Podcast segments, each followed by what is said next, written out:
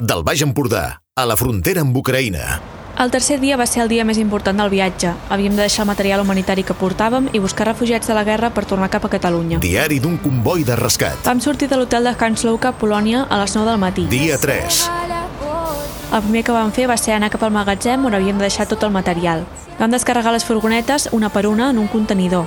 Cadascuna de les caixes que portàvem anaven etiquetades amb el nom del que havia dins i de la persona de contacte que havia d'entrar a Ucraïna. Tot el material que portem ha d'anar identificat per la persona que el rep, perquè com que hi ha diverses persones que reben material, eh, així no hi ha problemes, tothom sap que és el seu i aquest és el noi que fa les entregues nostres. Com comentaven ahir alguns companys del viatge, veure les caixes totes juntes en el contenidor ens va fer donar de tot el que portàvem.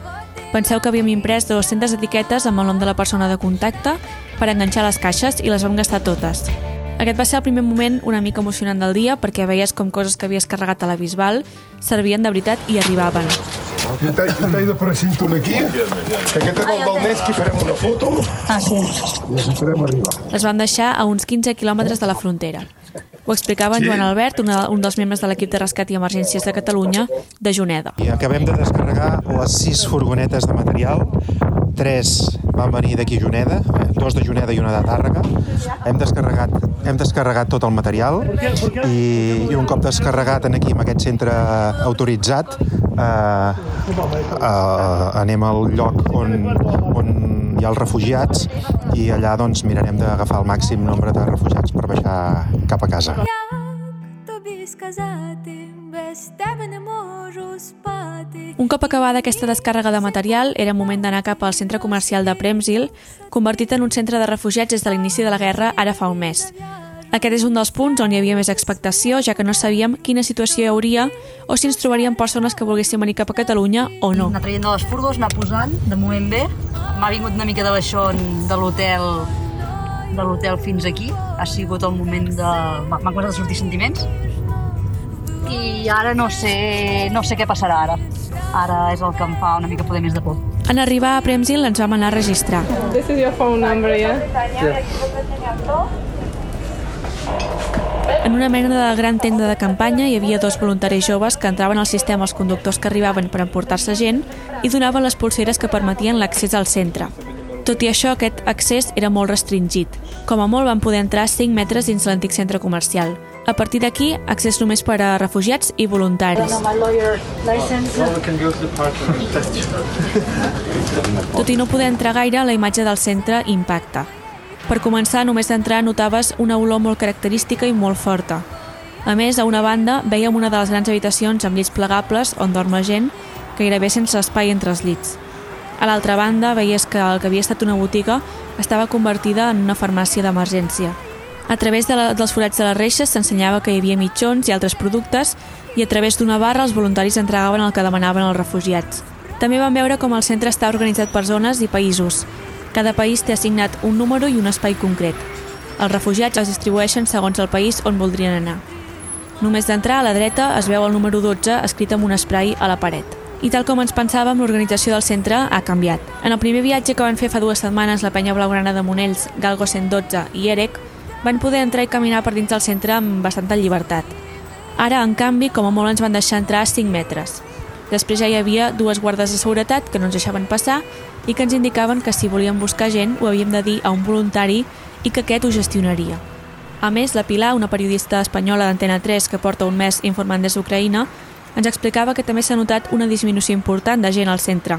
Vam poder parlar amb ella sobre la situació a la frontera i sobre quina hauria de ser la tasca del periodisme per explicar moments així. Bueno, aquí los días son muy parecidos porque en una situación de emergencia humanitaria en una frontera es verdad que, que la situación no evoluciona. Eh, las únicas diferencias es que en lugar de 140.000 como entraron eh, ucranianos el día que más gente entró, pues ahora están entrando 30.000.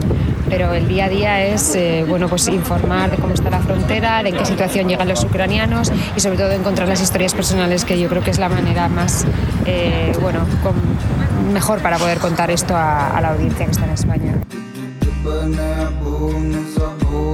Tornant al centre vam explicar a una voluntària que estaven buscant gent per portar a Espanya. Ella ho va anar a mirar però va tornar al cap d'uns minuts dient que no hi havia ningú que volgués anar cap al país. Una cosa de la que vam dubtar molt més tard, quan per casualitat a l'exterior vam trobar el membre d'una família de sis que buscaven transport fins a Màlaga. Així doncs, el centre de Premsil va marxar amb dues furgonetes de sis plenes, una amb aquestes sis persones i una altra amb una família de cinc amb qui les entitats ja havien contactat durant el viatge i amb qui ja comptàvem. En veure que no trobàvem més gent al centre i que encara hi havia 24 places lliures als vehicles, es va decidir canviar d'ubicació i anar ben bé a la frontera entre Polònia i Ucraïna. Anar canviant moltíssim en 15 dies, eh, el que abans eh, d'entrada hi ha molta més seguretat, eh, no podem entrar dintre, eh, eh, és ben bé només venir a buscar la gent que ja havies contactat i que els tenim. Llavors, el que abans fèiem de poder entrar i dir que baixàvem a Espanya i, i poder portar la gent, no, ara no podem fer-ho. Llavors, eh, marxem, de moment marxem d'aquí amb, les, eh, amb la mare i les quatre criatures mesures i ara anirem fins al punt fronterer, fins allà a Mèdica i a veure allà com està la cosa allà. La situació en aquest punt, a Mèdica, era totalment diferent. El que s'ha muntat a la frontera és ben bé un camp de refugiats. A diferència de la gent que està al centre comercial, en aquest cas, la gent no té un sostre sota el que dormir.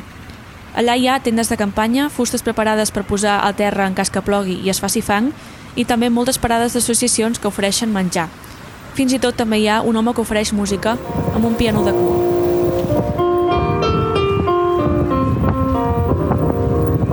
Hi va parar la gent tan bon punt travessa la frontera i surt d'Ucraïna. Mentre camines i t'endinses en el que és l'estructura del camp, et creues moltíssima gent que segurament acaba de deixar el seu país fa pocs minuts.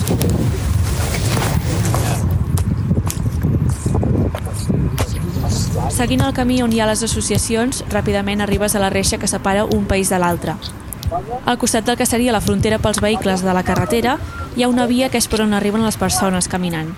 Nosaltres, mentre oferíem el transport cap a Espanya, vam veure a desenes de persones que arribaven per aquest camí portant tot el que tenien en una maleta de cabina o en bosses.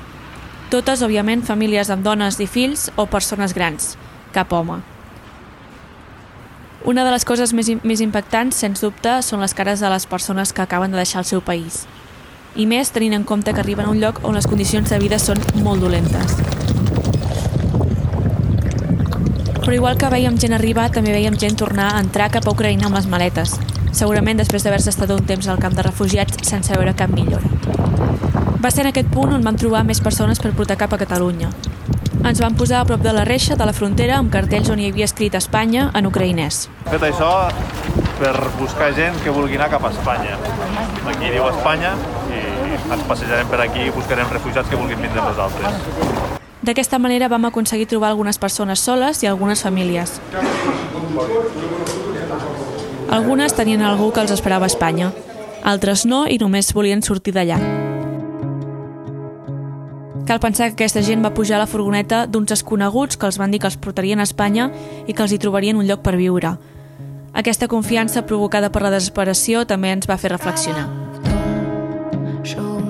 En aquest punt les furgonetes del comboi ja s'havien anat separant, alguns érem a la frontera, mentre que altres ja portaven a gent a dormir a l'hotel i altres havien d'anar a buscar persones amb qui havíem contactat en altres punts com Cracòvia. En el cas de la furgoneta 4, que és amb la que viatjo, havíem arribat a Mèdica 103 persones i vam marxar 108. A la frontera vam trobar una família i una dona sola que van venir amb nosaltres. Després de trobar-les, vam marxar cap a l'hotel de Polònia on havíem de dormir, que estava a unes 3 hores de distància. Durant el viatge hi va haver primer moltes preguntes i molt d'ús del traductor, ja que només una d'elles parla anglès i no ens aconseguíem entendre sempre. A més, no és fàcil explicar que hi ha persones a Catalunya que sense conèixer-les de res els hi han ofert un espai de casa seva en un lloc del que no han sentit a parlar mai. Després d'aquests nervis i preguntes, la furgoneta es va quedar en silenci, ja que totes van aprofitar el viatge per descansar. Vam arribar a l'hotel cap a les 9 del vespre. Les cares d'aquestes dones i nenes quan van veure l'hotel ens van tranquil·litzar. Amb els ulls molt oberts miraven l'hotel i reien sense creure-s'ho gaire. Després de vés a saber quants dies es van poder dutxar, sopar un plat calent i dormir en un llit. Avui ens esperen moltes hores de viatge per davant. Farem més de 1.200 quilòmetres per arribar a un hotel d'Alemanya on farem una altra parada per dormir. El dilluns finalment arribarem a Catalunya amb més d'una trentena de refugiats que anirem portant a les diferents cases on se'ls acollirà. Diari d'un comboi de rescat. Fins aquí la crònica del tercer dia de viatge, el dia més dur, més intens i el que més recordarem. Un reportatge d'Anna Salvador Figueres i el suport de la redacció de Ràdio Capital de l'Empordà. Gràcies per escoltar-nos i acompanyar-nos.